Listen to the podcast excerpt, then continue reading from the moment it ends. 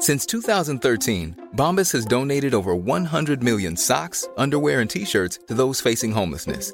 If we counted those on air, this ad would last over 1,157 days. But if we counted the time it takes to make a donation possible, it would take just a few clicks. Because every time you make a purchase, Bombas donates an item to someone who needs it. Go to bombas.com slash ACAST and use code ACAST for 20% off your first purchase. That's bombas.com slash ACAST, code ACAST. Ja men god morgon och hejsan skåpet! Hej! Goddagens! Vilka har vi som sitter och trycker här i vårt härliga lilla skafferi idag? Jo, vi har Peppe Peppe Öhman, Santa Monica Based, Terve. gillar surf, killar och hästar. Johanna, hon är, sitter i Vasastan. Inte mycket för killar, men... Inte mycket för surf eller hästar heller. Nej, Nej. men Gill, ja, vad gillar du egentligen? Du gillar, du gillar härliga material, du gillar ett gott glas vitt vin och du gillar padden. Jag gillar kul. Du gillar mycket men det var väl det jag kunde komma på just nu. Ja. Du gillar att umgås med folk. Ja, det gör jag. Du är en social eh, nä, spindel utan jämförelse. Nej. Alla vägar bär till Och samtidigt så introvert. Ja, men det är väl ändå En alla. Det gåtfull kan jag- person. Du då? Ja, Du gillar hästar, du gillar kläder, du gillar din son Remy. ja. det är det. Slut Det är de Ja. grejerna.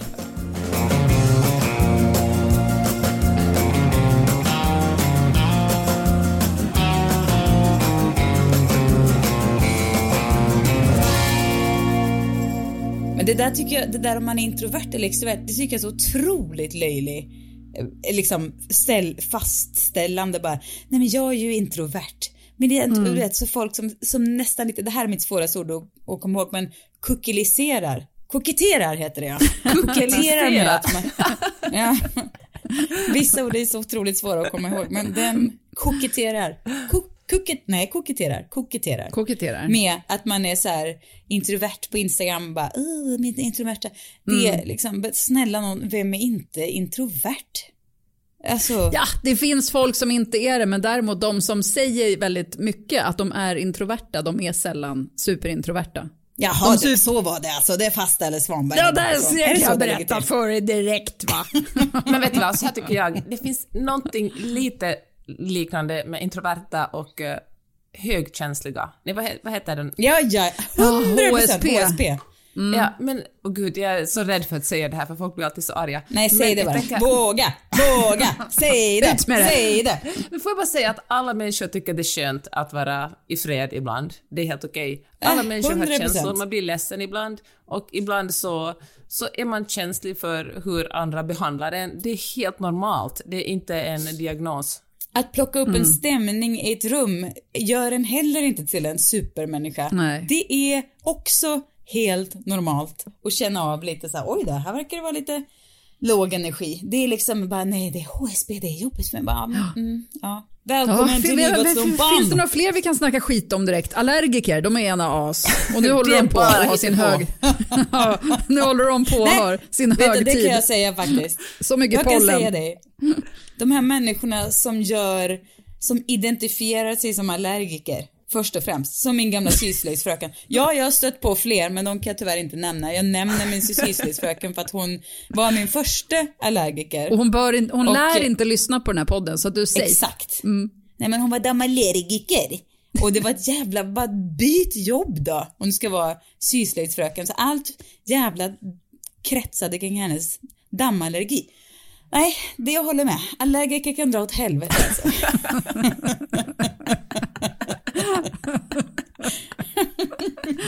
Åh, jag, ser dem, Men jag ser de sura DMen, de kommer nu.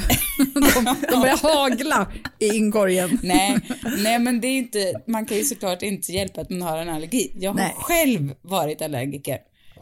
Men, du är stark man nog behöver att inte komma göra det över till det. sin livsstil. Ja, jag skärpte mig.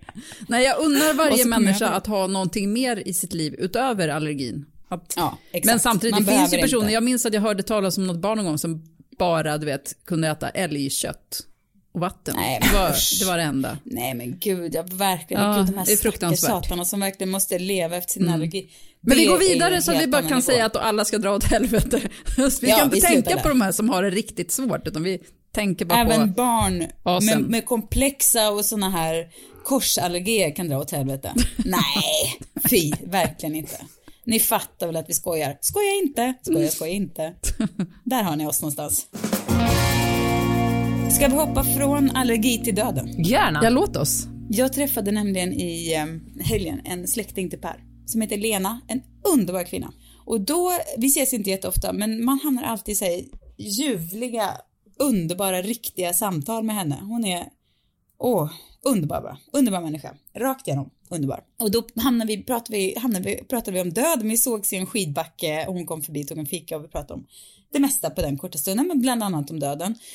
Och då sa hon så här att hon är kanske, vad kan det vara, 67? Men eh, hon sa att nej men döden är jag inte rädd för. Det, det, däremot är jag rädd för att bli sjuk. Men döden det är inget sådär. Och då berättade hon om, då nämnde jag Pers mormor som var en otrolig Eh, kvinna. Såg ut som en grävling ungefär i sitt sista år. Nej men hon var liksom raggig och krum och eh, så.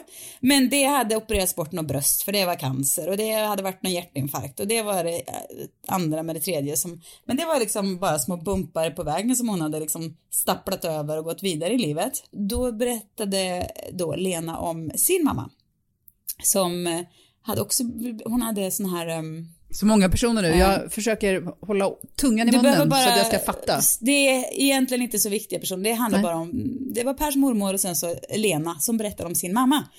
Som, som när hon, hon hade så här kol eller kol. Och visste så att nu, nu dör jag snart. Och då hade hon samlat till sig sina barn och satt och så här, men hon, hon var så här, men det blir väl spännande för er. Nu ska jag, nu kommer jag snart chilla vidare här och ni kommer vara här. Det blir väl spännande att uppleva hur det känns. Fatta vad den inställningen till att det liksom var så redo så att man bara ut, helt utan liksom sorg kan bara ge barnen att det blir väl en trevlig upplevelse. Eh, och det blev jag så inspirerad av och jag, av att man liksom kan vara så nonchalant kring eh, döden. Vad har ni för, har ni dödsångest, ja eller nej? Eh, Ja, eller alltså nej, jag, jag lägger inte tid på att tänka på det så därför har jag inte ångesten. Men Nej, okej, men så här då. Jag kan komma kanske med en tröstande tanke. Jag försöker, eh, eller jag har länge försökt eh, träna mig själv att tänka så här, att livet är som en jätterolig fest. Alltså man går ut, man är med sina kompisar, man dansar, klockan blir fyra, klockan blir fem och man är så trött. Så då promenerar man hem genom den där sommarnatten, solen gå upp och man bara jag är så trött, jag måste verkligen gå och lägga mig nu men fy fasiken vilken kul fest det var.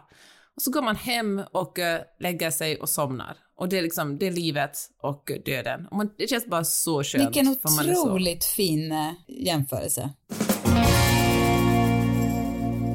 Men Johanna, du är ju den enda av oss som har förlorat en förälder, så det kanske kan skaka om på ett annat sätt.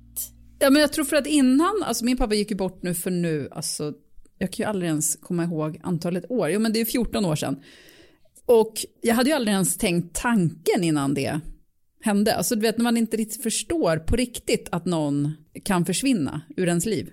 Alltså trots att jag ändå hade, jag hade ju åtminstone morföräldrar och farföräldrar som hade dött.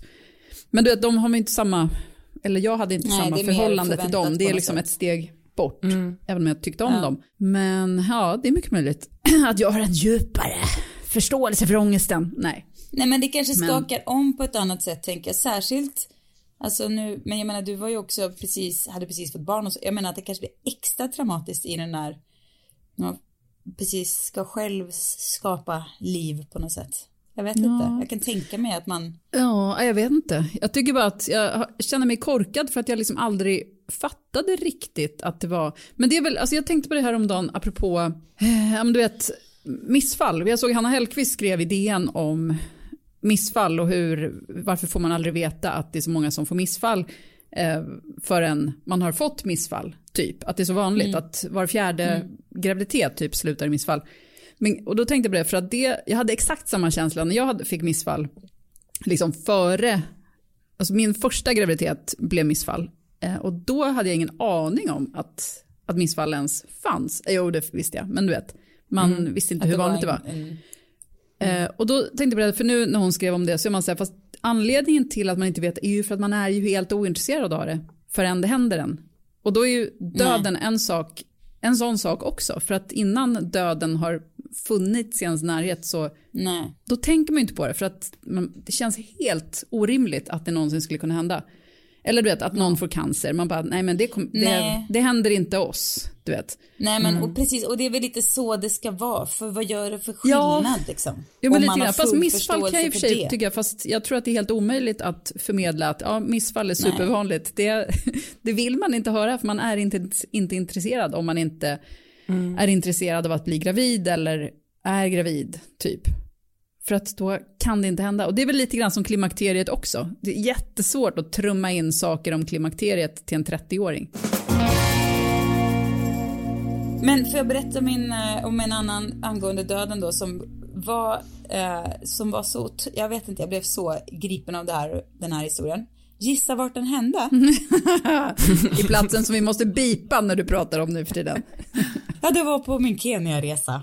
Som jag ständigt kommer återkomma till. Ja. Nej, men då, Så mycket som på insikter som resa. kom till dig på denna resa. Ja, det var så mycket insikter. oj. Åh, nej, men det var faktiskt, det här var en man som hade varit eh, fotograf för så här, National Geographic och ja, fotograf, fotograf. Eh, och åkte runt hela världen och fotograferat. Han hette eh, Uri Goldman och var dansk. Blev eh, utsatt för ett rånförsök någonstans i Västafrika. Så till den milda grad att han, eh, han blev liksom knivhuggen i hela, eh, överallt. Och när vi träffade, där vi träffade honom då, Eh, då var första gången han var tillbaks i Afrika efter den här händelsen och han, det gick ju knappt att höra vad han sa och han satt i rullstol och han hade verkligen stora jack ihopsydda i, över hela kroppen. Hur här var gammal, ingen- hur gammal var han och hur gammal var han när, när det hände? Svårt att säga ålder men eftersom han var ganska, ja, satt i den här rullstolen och var inte helt, men säg att han var 50 då kanske. Då, han blev då så eh, skadad så att han låg på något militärsjukhus som han blev tagen till eh, och där eh, var han då kliniskt död under, jag vet inte hur länge man kan vara det utan att döda. Och han beskrev då hur han upplevde döden. Och det var eh, så gripande. Hur han beskrev det som det här, en känsla av ljus, men också att det var bara kärlek. Alltså att det var en känsla av, det fanns bara kärlek och lugn och en så här varmt ljus som man liksom befann sig i. Bara den känslan känns ju, han var, det fanns ingen rädsla, ingen ångest, ingenting, utan det var bara liksom som att lägga sig i en varm, mjuk damm av kärlek. Och hur han hade då, det var någon form av liksom passage som han färdades mot och han visste då undermedvetet någonstans att kommer jag igenom här så är det liksom, då är det över. Då, då släcks ljuset liksom. Det var liksom en riktig ljustunnel, att gå mot ljuset. Ah, han besk- beskrev det inte som ett ljus, utan inte som en tunnel utan mer som att det var en ljus kraft eller ett ljust fält på något sätt så. Och, eh, men framförallt var det den här känslan av total harmoni och kärlek och lugn och ingen rädsla, ingenting, utan bara den så. Och han visste då att om jag liksom går genom den här passagen, vet, vet inte exakt vad det var, men någon form av liksom. Jo, han beskrev också när han åkte upp mot det här ljuset, hur han såg liksom det här sjukhuset uppifrån och liksom sögs uppåt så. Men sen han var där, närmade sig det här, nu, nu blir det liksom, nu släcker vi ljuset här. Då hade han så här, nej men jag har inte tid att dö nu för att jag har två barn och en fru som jag kan inte eh, lämna dem. I någon slags kraft från det hade han liksom sugits tillbaka in i sin kropp och liksom fysiskt sett hur det hur han åkte tillbaks in i sin kropp och, eh, och hade då liksom efter mycket om och men och trots mot alla odds eh, Eh, vaknat och överlevt det, även om han då var enormt skadad. Och då hade han suttit i terapi något år senare och pratat med sin terapeut om så här, det här såg jag det här när jag var liksom den här kritiska stunden då när jag sögs upp, då såg jag taket och det var ett rött tak och det var en svart skorsten och beskrev det här taket så. Och då, och då, jag vet inte om jag är liksom, han började tvivla på det verkligen, hur kunde jag uppleva det här? Det var en så otroligt stark upplevelse men han tvivlade på vad som var. Och då hade de kollat Google Earth, det här sjukhuset, och då hade det haft ett rött tak och en svart skorsten och sett ut, haft de här färgerna som han hade sett ovanifrån i sin, när han liksom lämnade sin kropp. ja, det var liksom en otrolig mm. när han beskrev det här och du vet, jag blev helt så mitt i alltihop. Nej men det var så fint och han liksom bara beskrev det här kär, kärleksrummet och men att han bara skulle tillbaka till sina barn och så. Och då tänker jag att eh, det där blev sån, en sån en så fin, en liten trygg och härlig bild av att tänka på. För jag tänker att, att inte vara, att försöka att inte vara för rädd för döden är ju liksom lite ett sätt att leva lite mer. Här i LA så är ju folk mycket mer öppna för uh, övernaturliga saker än vad jag upplevde att man var i Helsingfors när jag lämnade staden för tio år sedan. Och uh, det är medium på, när man går på events så är det ett medium som, som pratar med en om. Och uh, ja, men det, är, det finns liksom en, men folk tycker om sånt. Och för mig har det varit en liten resa för att jag är så här, kanske för att jag är finsk eller för att jag är journalist eller fan vet jag, men ganska skeptisk till allt som har med sånt att göra. Grundskeptisk. Grundskeptisk. Grund, grundkritisk. ja. Men, eh, men jag tycker jag försöker också unna mig själv att vara lite öppnare. Varför inte? Jag kan leka med tanken liksom. Så länge det inte skadar någon så är det väl kul. Och, eh, och för några veckor sedan så gick jag på ett eh, på en slags föreställning med ett medium, Fleur heter hon, någon slags här kändismedium, som eh, en kompis Tamara känner och hade fixat biljetter åt oss. Och, eh, och hon, eh, det var som en publik, det var som att gå på teater ungefär, en ganska liten teater, inte en sån här stor men så lite, vi satt kanske 50 personer, 60 personer i publiken och så stod Flör på scenen längst fram med en kvinna som var jättesnygg, kanske 30-35-årsåldern. Och, eh, och så talade hon med folks liksom, döda människor från andra sidan som folk kände i publiken. Och hon kunde vara så här, nu känner jag att det är någon från andra sidan som vill ha kontakt med eh, dig som sitter, eller någon av er som sitter på femte raden, typ du i blå tröja. Känner du en man som, eh, jag vet inte, tyckte om att åka båt och, eh, och som älskade juveler? Och, och sen ville hon, så kom hon med en hälsning och sa den här, så visade det sig att det är den här personens morfar eller morfars brorsa som ville hälsa att allt är bra. Hon jo, han kanske med, vad vet jag, 10-15 personer under hela föreställningen och eh, alla på den andra sidan hade det bra och eh, det var jättesorgligt, det var någons barn som hade dött och, och, och alla var trygga och eh, och säg om man vill, om man tror på det här eller inte, hon var ju väldigt specifik i vissa detaljer. Och uh, vissa i publiken var som jag ganska lite skeptiska. Men, uh, men det som jag tänkte efteråt är att vare sig det hittade på eller inte så gick alla därifrån med en ganska skön känsla. Alltså folk som var jätteolyckliga mm. eller saknade någon så gick därifrån med en känsla av att den här personen på andra sidan har det bra och liksom sänder sin kärlek och vakar över mig. Och uh, det var väl fint. Verkligen. Men samtidigt undrar man ju så här, om man nu är på andra sidan och är någon slags ny energi, kan man inte bara säga så här, Hey Michael, fifth row, third person from the left, måste det vara så här, uh. eller det kanske är så att det inte riktigt finns ett språk på det viset, eller varför kan man inte bara vara lite tydligare i sin kommunikation om man nu vill berätta att allt är bra? I, eller så här svarade hon, för i slutet så hade hon en så tio minuters uh, svara på frågor session. Och då frågade någon precis det där, hur kan du veta det här? För det var någon, min kompis Frida till exempel, hon hade en äh, morbror som hade dött ganska nyligen som kom till henne då enligt Flör. Och äh, den morbrodern talade ju såklart svenska, och, äh, men, och den här Flör mediumet talar inte svenska, men hon sa att det inte, hon pratar inte språket utan det är mer av en känsla och energi och därför blir det så här flummigt. Vilket såklart är en bra förklaring om man är en, alltså om man luras. Men... Ja men också ganska rimligt tänker jag, alltså lite ja. grann som han som låg på sjukhuset, att det är, det, det, finns inte en exakt en tunnel utan det är en diffus känsla av mm. ett ljus, eller du vet. Ja, men precis. Det vore ju konstigt kanske... om allt skulle beskrivas i världsliga termer. Nej, men nu låter jag som någon som, som tycker att... att... astrologi är rimligt och det tycker jag inte, men, men just i sånt här. Nej men precis, precis som att så här, det är omöjligt att ta in att universum är, eh, vad heter det, oändligt. Mm. Eh, jag menar det är ju svårt för att, men jag menar man får väl bara acceptera att vissa saker är, har en annan, existerar på ett helt annat sätt än vi kan förstå eller ha ord för.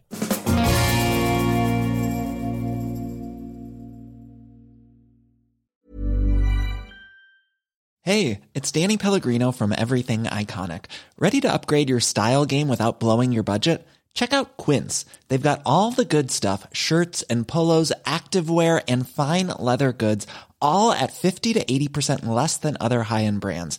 And the best part? They're all about safe, ethical, and responsible manufacturing. Get that luxury vibe without the luxury price tag. Hit up quince.com slash upgrade for free shipping and 365 day returns on your next order. That's quince.com slash upgrade. I'm Sandra, and I'm just the professional your small business was looking for. But you didn't hire me because you didn't use LinkedIn jobs. LinkedIn has professionals you can't find anywhere else, including those who aren't actively looking for a new job but might be open to the perfect role, like me. In a given month, over 70% of LinkedIn users don't visit other leading job sites. So if you're not looking on LinkedIn, you'll miss out on great candidates like Sandra. Start hiring professionals like a professional. Post your free job on linkedin.com/people slash people today. Men hörni, alltså, jag tror min skepticism kanske kommer från att det såklart finns folk som är jätteolyckliga och eh, så, som man är när man förlorar någon som står en nära. Och så finns det andra människor som utnyttjar det här och har de här superolyckliga människorna att betala jättemycket pengar för någonting som är på. Alltså det finns ju alltid onda människor som utnyttjar sårbara människor. Och det är ju en dålig sak tycker jag. Ja, ja, såklart. Men Frida, var hon alltså där och fick meddelanden från hennes eh, avlidna Ja. morfar? Eller morbror, alltså- eller vad det var? En annan, det var bara där faktiskt med båda kompisarna Frida, men det här var min, min andra kompis, min andra hästintresserade, hästintresserade kompis Frida, som eh, vars eh, morbror hade gått bort alltså för mindre än ett år sedan och han hade varit väldigt speciell på många sätt, liksom rest världen runt och, och eh, väldigt klätt sig på ett väldigt speciellt sätt, alltså med färggrada skjortor och smycken. Och, och när han, innan han dog så hade han sagt att det, det han vill är att uh, åka ut med, en- att hans aska skulle spridas över eh, havet. Så de ville åka, de bo- bodde utanför, eller Göteborg, och ville liksom åka ut med en båt och liksom, och att uh, det bara skulle vara hans eh, fru och hans syster, alltså Fridas mamma, som skulle åka med ut. Och det hade varit ett himla show för den här Fridas mamma att fixa den här båten. Man måste typ öppna en massa broar för det var en så pass stor båt som skulle åka ut. Och eh, när det här mediumet beskrev den här situationen så sa hon att eh, hon ser en, ett, liksom ett, ett fartyg, ett kryssningsfartyg, ett jättestort fartyg. Här, och, eh, och sen kunde de på något sätt arbeta neråt till att det var, och en, en väldigt eh, sådär eh, flamboyant person som, som vill komma och berätta att han har det bra. Alltså whatever gör oss liksom trygga och sansade i, i allt detta eh, obe, obegripligt ljuvliga, lite läskiga, svåra som man har hamnat i, alltså livet på något sätt, är väl jättebra. ja, Verkligen. Om man inte blir lurad och det otroligt. kostar en massa pengar och det går ut över någon annan. Det var brasklapparna. Ja, ja, ja. ja, där Ja, kom det den. Ja, Nej, men där kom det, de. Alltså, så här, sant, vad som är sant och riktigt, absolut, det finns stunder när det är jätteviktigt. Men det finns också stunder när det är så irrelevant. Vad som är sant. Alltså, om jag upplever och, och känner en känsla som jag kanske helt har skapat för mig själv. Om jag, alltså så här, jag åker till min sommarstuga. Det är ju precis samma jag som är inte i min sommarstuga. Men sen har jag liksom lite bestämt att när jag åker förbi en speciell bondgård så varje gång så tänker jag att det är som en switch i min bröstkorg som bara knäpper över och det blir, man kliver över liksom i lite någon annan del av sig själv. Inget av det här är ju sant förstås, men man upplever det ju så. Mm. jag tänkte också på faktiskt häromdagen att man får ju samla på sig de grejerna som gör en glad. För jag menar, det är ju så mycket skit som händer hela tiden. Och då är det väl toppen när man kan utse sådana saker som att det här, det är ja, men som ditt lilla knäpp där när du åker närmare din stuga. Men jag Ja. tänkte på nämligen också, vi hade ju en väldigt rolig middag förra veckan Sissan, för du presenterade en glasögonlinje och då hade vi en så otroligt kul, men något så fånigt som Gry Forssell lärde oss, som var att om man poserar på en bild och man kisar, man gapar och man pekar, då ser det ut som att man har världens roligaste kväll. Har du testat detta Peppe? Nej, men jag såg bilderna och det verkar ju verkligen som en otroligt kul fest, middag. Vad fan Ja. gjorde den med snygga glasögon? Ja, exakt. Ja men det var faktiskt det. Hon hade ju även ett annat knep lyckat. som också var väldigt roligt. Det är att om man dansar som man gjorde när man vet, gick i lågstadiet. Att typ bara eh, svänger Sida från, till sida från sida till armarna sida. som- Armarna är Ja. med och man, sväng, man rör sig liksom ett steg hit, ett steg dit, ett steg, sådär. Då ser det ut som att man också dansar något otroligt. Alltså om man fotar det. Om man fotar. Inte, det ser inte ut så i verkligheten. Nej, nej, nej, nej. Men man tar en bild just då. Ja, det var kul. Här kommer Johannas dansskola. Ett steg hit, ett steg dit, sväng med Ett steg armarna. ett steg dit, sväng med armarna. Vill, det ser otroligt ut. Ja. Men det här är ju otroligt kul och härligt, men det är ju också lite alltså, sorgligt att man eh, alltså gör saker för att det ska se roligt ut på Instagram. Alltså Ja, jag fattar ja, ju att ni hade att- superroligt där när ni kom på det här, men själva tanken är att lära sig trick för att det ska se extra roligt ut för folk som sitter i Santa Monica och har FOMO till Nej. exempel. Åh, så sur. Men du vet, för Nej. grejen var också för att, men, menar, det var ju trevligt sen innan, det var absolut noll fel på den här kvällen, men däremot så sen skrattar man så mycket åt att man ser ut som att man skrattar på bilderna, att det blir, du vet, att det blir en så här uppåtspiral, att man skrattar så Ja. mycket att, alltså, ja, att det blir helt löjligt. Och då är det någonting så fånigt som gör att man skrattar, och det gör mig så glad. Berätta mer om små saker som gör dig jätteglad, Johanna. Jag vill ha... Jag vill Ja, veta jag insåg häromdag, häromveckan också då att jag blev väldigt glad när folk hör av sig och, säger, och frågar om jag vill testa att träna. Jag minns att du gjorde det någon gång också.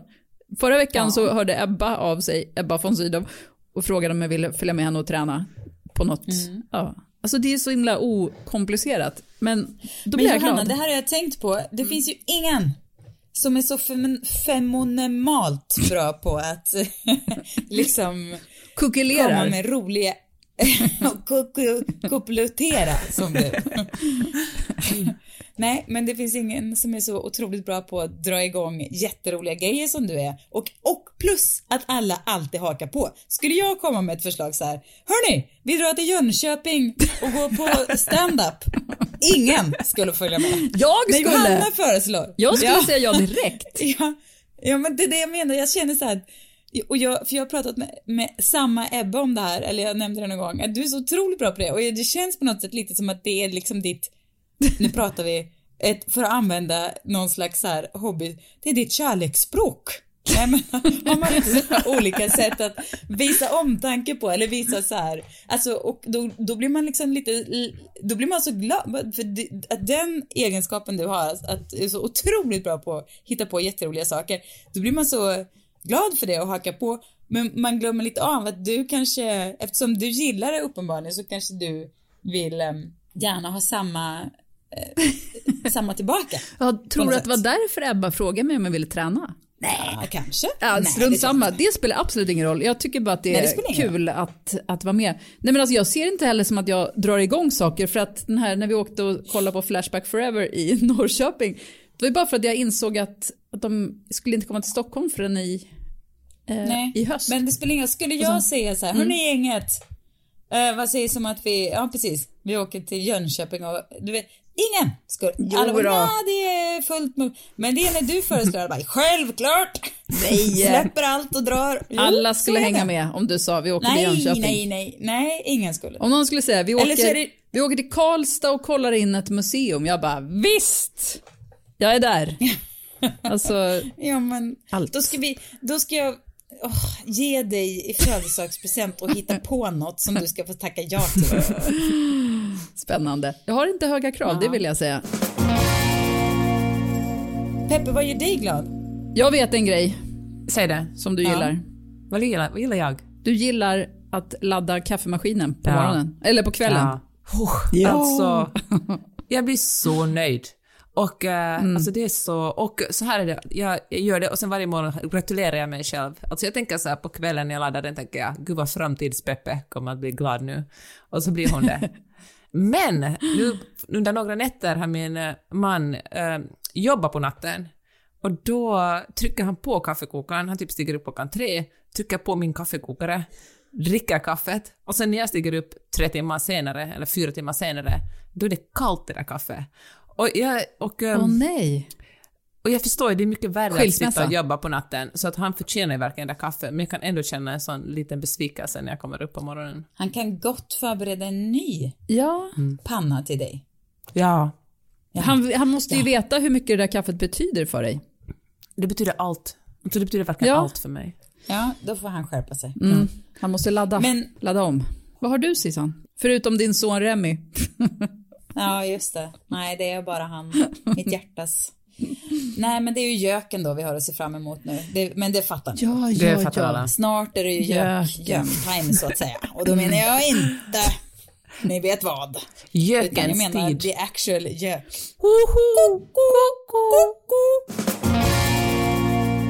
En annan sak som jag har gjort mig glad lite den, den senaste veckan här har ju varit eh, tyvärr ett svårt bakslag för våren. Det ligger decimetervis med snö i min trädgård. Och det är liksom isgata utan, utan här, utanför fönstret så.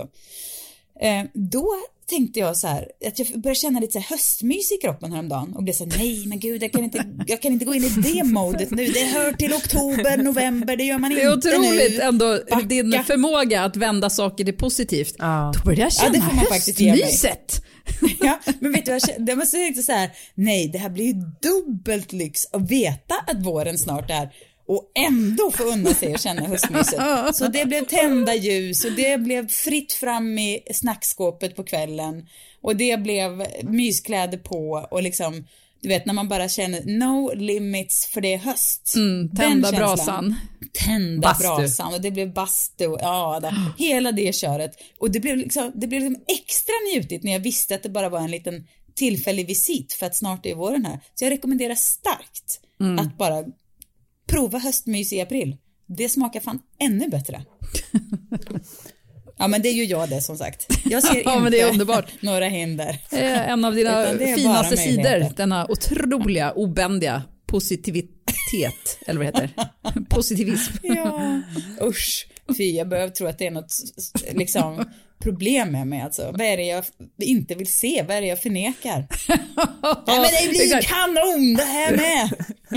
Nej, det är ju fantastiskt. Jag tycker du ska bejaka den känslan. Korea och Finland har någonting gemensamt och det är spa och bastukulturen. Alltså, och... Det här är absolut en av de sakerna jag saknar mest med LA. Ja, det, Japiska badet som vi kallar det internt. oj, oj, oj, det är så underbart. Man eh, klär av sig helt naken och så glider man omkring på ett eh, område med olika såna små bassänger och olika bastun och eh, det finns liksom men, ångbastu, det finns vanlig bastu, det finns, eh, det fanns en kall bastu vilket på något sätt är motsatsen till bastu men och i LA är kall bastu det är typ sådär 14 grader Celsius. och eh, en orsak till att jag älskar det här så mycket är att eh, man ser andra sorters kvinnokroppar än de man ser när man kollar på Instagram med reklam. Det finns liksom, där finns allt är representerat. Älskar det. Det är tatuerade, det är gamla, det är unga, det är enbröstade och enarmade och, och liksom allt finns där.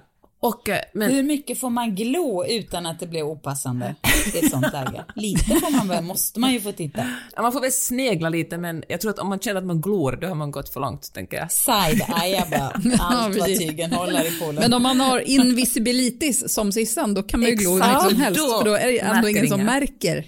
Nej. Nej då. Att man står där med förstoringsglaset och... Precis, en kikare. Hörru du, det här var en spännande blygdläpp. Får jag kolla på ditt R?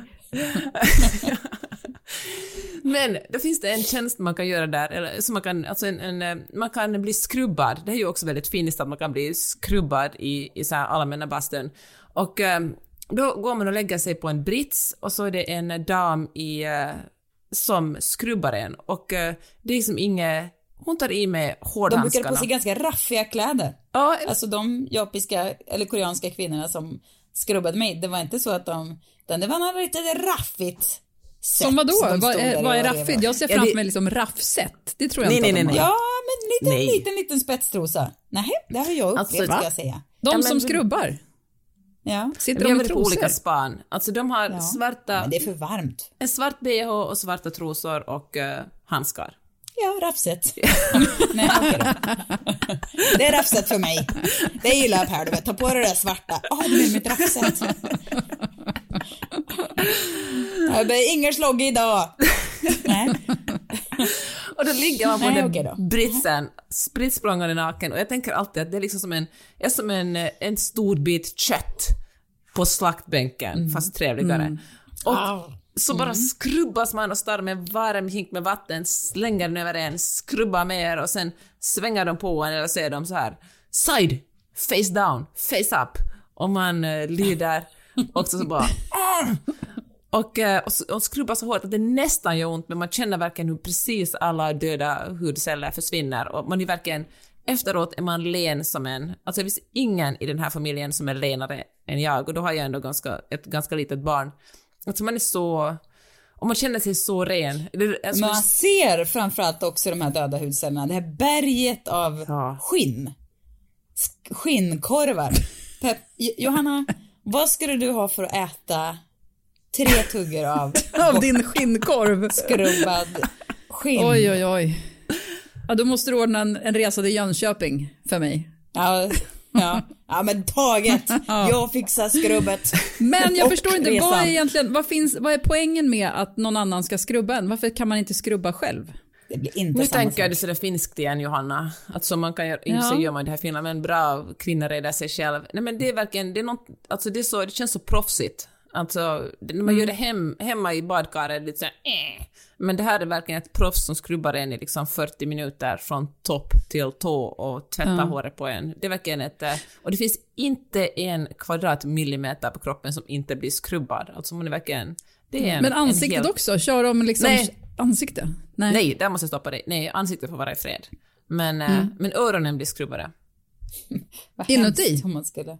Ja, men kring, alltså de går inte in med en tops, för det får man inte göra. Men, Du bara bullar upp för lite olika mardrömstänk här. Jag saknar den där grejen så mycket. Det är den, så konstiga saker jag saknar från LA. Man, man skulle ju, hade ju kunnat tro att det var så här Malibu och stränderna och så, alltså förutom dig då Peppe, men jag menar mer så här LA, LA som inte är personer. Utan det absolut eh, Korean Spa, We Spa i downtown. Men också vår fotmassageställe i kvarteret. Att det var så otroligt. Det var kedjerökande kineser, farbröder som verkligen inte var speciellt trevliga eller luktade gott. Men herregud vilken massage de bjussade på. Bjussade och bjussade, men Ja, ja roligt ja, annars. men- De var fotfetischister som gillar att... eh, Nej, Massera nej, det bara. jag går dit, Men, men det var ändå mig. en oväntad finess från det är väl, det här. ja, men det, det där, LA, LA är ju det som bäst när det är det verkligen det där, när man inte går liksom Venice Boardwalk eller Hollywood Boulevard eller upp till Griffith Observatory eller ens Malibu. Det är ju också, okej, de just Malibu är ju härligt och Griffith också, men, men de här lite konstiga specifika sakerna. För några år sedan var min kompis Vanessa här och hälsade på och hon, eh, hon hade några favoritmassageställen så vi åkte egentligen runt i en vecka och blev masserade. Och eh, då tog hon mig till ett ställe på Sunset, liksom uppe i Silver Lake som var ett stripmall med, eh, ska man gå upp ovanför typ en liten kiosk och en, en sån här koreansk tvätteri, går man upp och så gick man in i en jättestor sal där det satt säkert, ja men 50 stycken personer och blev ryggmasserade. Och vissa sov och snarkade högt medan de blev ryggmasserade och det var mörkt där inne så man såg liksom knappt sig själv. Man bara gick in och måste vara jättetyst förutom om man snarkade och, och sen fick man världens bästa ryggmassage. Man satt liksom på stolar och lutade sig framåt i en sån här konstig konstruktion. Det var så konstigt och också härligt. Det finns ju något väldigt intimt med att få en massage också, men här var det verkligen en helt kollektiv upplevelse. Jag tycker också väldigt mycket om, alltså det finns ju ett eh, underklädesmärke som heter Closely, tror jag. Som är ett, jag tror att det är ett svenskt underklädesmärke. Men de är ju, de har ju väldigt snygga människor som modeller, absolut. Men det är ändå verkligen liksom, du vet det är någon kvinna 65 i, en trosa som man är såhär, hoppsan hejsan stumpan den där är, lite, är den är verkligen gjord för dig? Men uppenbarligen är det som hon bär upp den och så. Det är väldigt uppiggande att se tycker jag. Men jag tycker att det är så sjukt, alltså det, jag tycker det är så skrämmande det här med att även vi som är vuxna personer som vet hur olika kroppar ser ut och hur livet ser ut och att alla har sin egen skit och bla bla bla. Att vi ändå också lite grann går på myten om att när man ser någonting som är, alltså, ja men så här, det finns personer som har jätte, jättesnygga Instagramkonton till exempel och så en, jag måste anonymisera allting nu, men då har jag en kompis som är kompis med sådana personer till exempel. Och då så pratade vi om det här häromveckan och, eh, och så visade hon plötsligt då ja, men privata Instagramkonton som finns, som är liksom... Parallellt? Ja, mm. som finns parallellt. Och det visar ju en helt annan verklighet än den verkligheten som visas upp på de här Instagramkontona. En helt annan verklighet. Det är inte så att du menar, utan det är mer att det är barn som inte är perfekt färgkoordinerat ja. ja, men Det är liksom utan... så som alla, alla våra andras liv ser ut. Vet, det är frostkläder, ja. det är fryst eh, snabbmat och det är mm. ja, men sådär helt vanligt medan man och, och menar, som sagt, och då är jag ändå en världsvan person som har varit med både före och efter Instagram och bla bla bla. Jag borde liksom veta bättre. Ändå blev jag förvånad. Va? Är inte ja. allt hos henne sådär snyggt? Ja. Men ja. vet du vad? Det är helt sinnessjukt. Det är verkligen sinnessjukt. Hur påverkar det? För det är ju klart att vi blir det, för det är ju det som matas på en hela tiden. Hjärnan har väl inte tid att, att sålla och för varje bild analysera om det här är någonting som är äkta eller om det är någon form av reklam. Mm. Jag läste, jag sa det kanske i förra podden, men, men, men eh, jag läste någonstans att människan, nutidsmänniskan, får 10 000 reklambudskap om dagen. Det är väl... Mm. Är det sant? Fan 10 000, det är, så, det är ju inte så jättekonstigt att man håller på att konsumera ihjäl jorden. Men, och då tänker jag att, att eh, många, om det är reklam ska det vara fint och liksom någonting som man vill ha eller någonting som man kan drömma sig till och det är ju exakt det som, ja, vi upplever. Alltså det, ju, det finns ju knappt plats för mm. någonting annat. Ja, men där tänker jag alltså, hur rädd man blir för sina barn. Alltså, eller jag blir inte rädd för mina barn, utan för deras skull. Nej men att om, om inte jag kan sortera på, alltså fast jag vet egentligen, så är man så här, men hur ska det gå för dem? Att, ja men du vet, som ser sina TikToks. Jag pratade med en person häromveckan som berättade om att eh, det är så otroligt liten del av vår hjärna som används och att liksom ut, hjärnans utveckling är, ja, in, mycket, alltså vi är fortfarande, vi är fortfarande, hjärnan är fortfarande samma hos oss som den var hos en stenåldersmänniska liksom. Alltså inte alls konstruerad för att ta emot så mycket intryck och val och situationer hela tiden så att man går liksom, hjärnan blir liksom mm. Eh, för över, överarbetad av allt det här. Man är inte riktigt jordförklarad. Men då pratar hon om hur när AI utvecklas framåt kan ta över och sålla Alltså till exempel på en arbetsplats där man ska sitta och det ska vara olika eh, program som ska synka tillsammans och man ska, du vet, det är en jävla massa att hålla ordning på helt enkelt. Men att AI framåt kanske kan göra sådana saker lättare för oss. Och då känns ju AI som en välkommen hjälp. Bara de inte går och blir så Terminator 2 som jag tittade på häromdagen. Det är ju läskigt.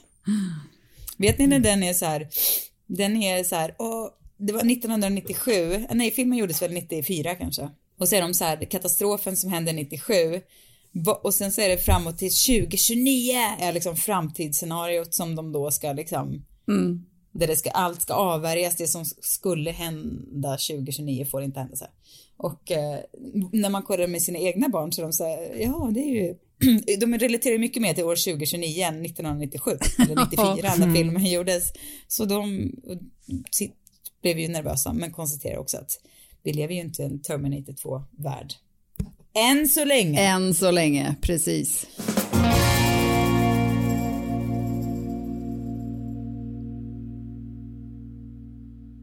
Har ni några tips den här veckan? Jag vill tala om P3 Dystopia, som avsnittet som heter Ryssland och imperiedrömmen. Det är jättebra, förklarar mycket tydligt eh, vad som hände 91 och, och eh, hur Sovjet blev, eh, blev Ryssland och Putin och hur verkligen det här landet var på väg mot någon slags halvdemokrati i alla fall, och frihet och hur, hur det verkligen inte gick så. Och eh, också faktiskt det, det, när vi talar om eh, reklambudskap och liksom eh, så här glansiga bilder på ett drömliv som inte existerar på riktigt, så en sak de sa där som jag tänkte mycket på var hur eh, Putin drev ner, liksom alltså det finns nästan väldigt få journalister som gör nyheter nu. Det var liksom ett av, av Putins strategier att, att liksom folk inte skulle få så mycket nyheter och att det skulle bli lite så här liksom okult att vara intresserad av politik. Att det är mycket bättre att säga att man är opolitisk och skiter i vad som händer i landet och världen. Och eh, det var det jättemånga journalister som gick över och började göra PR och liksom så här lifestyle-journalistik istället. Liksom skrev om härliga resor och snygga kläder och, eh, eller bara gjorde reklam för produkter. Det väl, låter väl ungefär som det i Sverige, eller överallt. Ja, det var Också. så deppigt, men det var jättebra avsnitt och eh, ett sånt avsnitt där man känner sig lite smartare efter att ha lyssnat på det.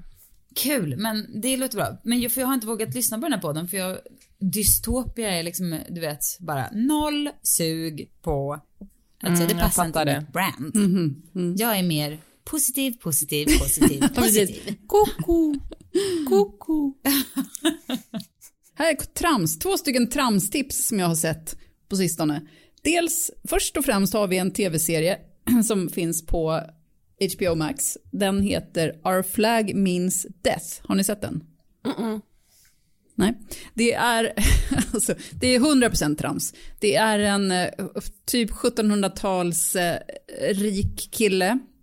Alltså han lever på 1700-talet, det utspelar sig på 1700-talet. Det är jag som är otydlig. Han är rik, han är trött på sitt liv, han vill bli pirat. Han skaffar ett piratskepp och, sen, ja, och så är det trams. Det är kul. Men vänta, Om ni såg här... Flight of the. Concords. Ja, just det. Flight of the Con- jag har sett reklam för den. Är den typ som Flight of the Concords eller eh, What We Do in the Shadows som är en sån här fake dokumentär om vampyrer? Ehm, jag har faktiskt inte sett What We Do in the Shadows, men den är, alltså Flight of the Concords, den här killen, spe, alltså han som spelar den här eh, piraten, eller han som blir pirat, han var Flight of the Concords manager. Och alltså Flight of the Concords och eh, What We Do in the Shadows, där är ju en av huvudpersonerna som är, ja, Jermaine, vad heter han? I alla fall, den är 100% trams, det är skojigt att se.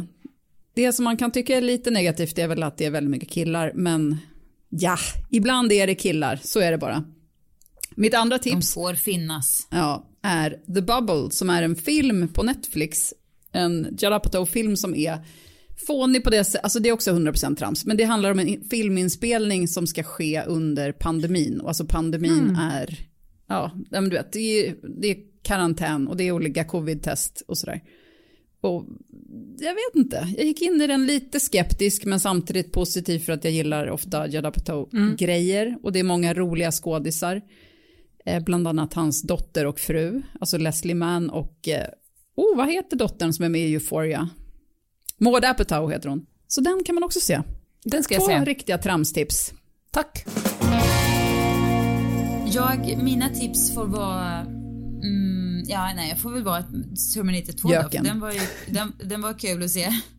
Men, även om man inte, men det, den har stilmässigt har den ju hållit sig, alltså Sarah Connor är ju stilikon. Jag har så otroligt gamla stilreferenser märker jag när vi diskuterar såna här saker i vår WhatsApp-grupp Johanna. Men, men eh, det är minst 30 år gamla så här. Kommer du ihåg henne i den här filmen? Men ja, då kommer ännu en. Sarah Connor i Terminator 2. Det finns väl ingen som bär upp ett par mysbyxor som hon gör. Det är otroligt vad hon Åh, gör det snyggt. Också Det är lätt att göra det när man är väldigt mager ska jag också säga. Det är inte det Men hon är det stark, Det- att det- det är en styrka och senighet. Alltså, Exakt. Jo, det är sant. Men det, det är ju mer utstrålningen och hur hon matchar här mysbyxorna med några otroliga glasögon och en cigg i och för sig. Det kanske man kan skippa. Men vet inte om mysbyxor och cigg skulle ge mig samma aura om jag klev Skulle jag ha mysbyxor och cigg, det skulle inte se lika charmigt ut, det kan jag säga dig. Och bara så här prata utan att liksom visa minsta tecken på humor eller värme. Bara prata med en så här jättesträng dödröst, cigg, mysbyxor. Nej, vi får se. Det kanske inte är. Men man kan absolut eh, hämta inspiration av mycket i den här filmen stilmässigt. Men jag vill också tipsa om att det finns ett skoföretag som heter Blankens. Vi har så otroligt mycket vår, härliga vårskor. Du kanske inte ens har liksom tänkt på vårskor än, eller så har du det. Och då vill jag påminna om att blankens.com är faktiskt en urhärlig skobutik. Jag eh, är absolut partisk, men, men jag menar vad jag säger. Jag Jag ska berätta för dig att jag börjar, att jag börjar Ja. samla plagg inför sommaren redan i februari nu för tiden. Köpte Ja, nu senast på. Sellpy någon sån här, ja, men, någon gammal blus. Jag bara, den här kan man ha på sommaren. Så nu ska det hänga i några månader. Ja. Och jag sitter och funderar på vilka Blankens sandaler jag ska ha i sommar. Det blir mitt första besök i Stockholm. Raka vägen till Gamla stan och eh, in i lokalen. Mm. Mm. Ja, den är tyvärr under och den kommer väl vara i form då tills du är där. Men för, på tal om det här med tips och saker som gör en, eh, eh alltid gör en glad som man ska ha, eller sådana här små grejer. Jag har ju också en, alltså kaffe med mjölk och chokladcroissant eller pain au chocolat. Det hugger jag. Finns det pain au chocolat, det är då köper jag det. Då tar jag det. Och det är för mig är så otroligt starkt förknippat med en så här må bra-känsla. Från när min älskade son Remi var ett år gammal och vi brukade åka, eller knappt, och vi brukade, brukade åka till Santa Monica och solen var så här ljummen, kaffet från Paris var supergott och de hade chokladcroissanter. Det var så otroligt härligt och sen dess får jag tillbaks liksom den så här lugn, ro, allt kommer bli bra, allt är bra känslan av den här kombinationen. Det är väl ett jättebra tips att bestämma sig för en sak, för människan är ju alltid som olyckligast precis innan ett beslut. Så att bestämma sig för, finns det, Ja. finns det en chokladcroissant, då kommer jag alltid att ta den. Det finns liksom inget tvivel där. Nej. Och tar jag den så njuter jag av den och unnar mig att tänka saker som, som liksom gör att, som är, känns bra inombords.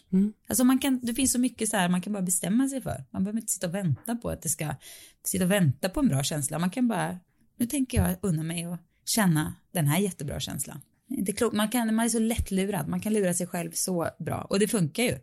Som sagt, vad som är sanning eller inte är ju inte så värst viktigt alltid. Med dessa ord vill jag tacka för att ni har lyssnat på den här podden. Kom ihåg att gå in och prenumerera, för det... Gud vad svårt ord. Prenumerera. Det betyder jätte, jättemycket för oss. Och om ni gillar den här podden, tipsa en kompis. Var sådär, det här är en... Det här är en bra podd, lyssna på den. Ja, gör det, annars är Det är kul vänner. att det är många ord som vi har pro- problem med att uttala idag. Prenumerera, Ja. kokettera, vad var det mer? Ja, mycket. Men hörni, vi hörs snart. Då! Hej då!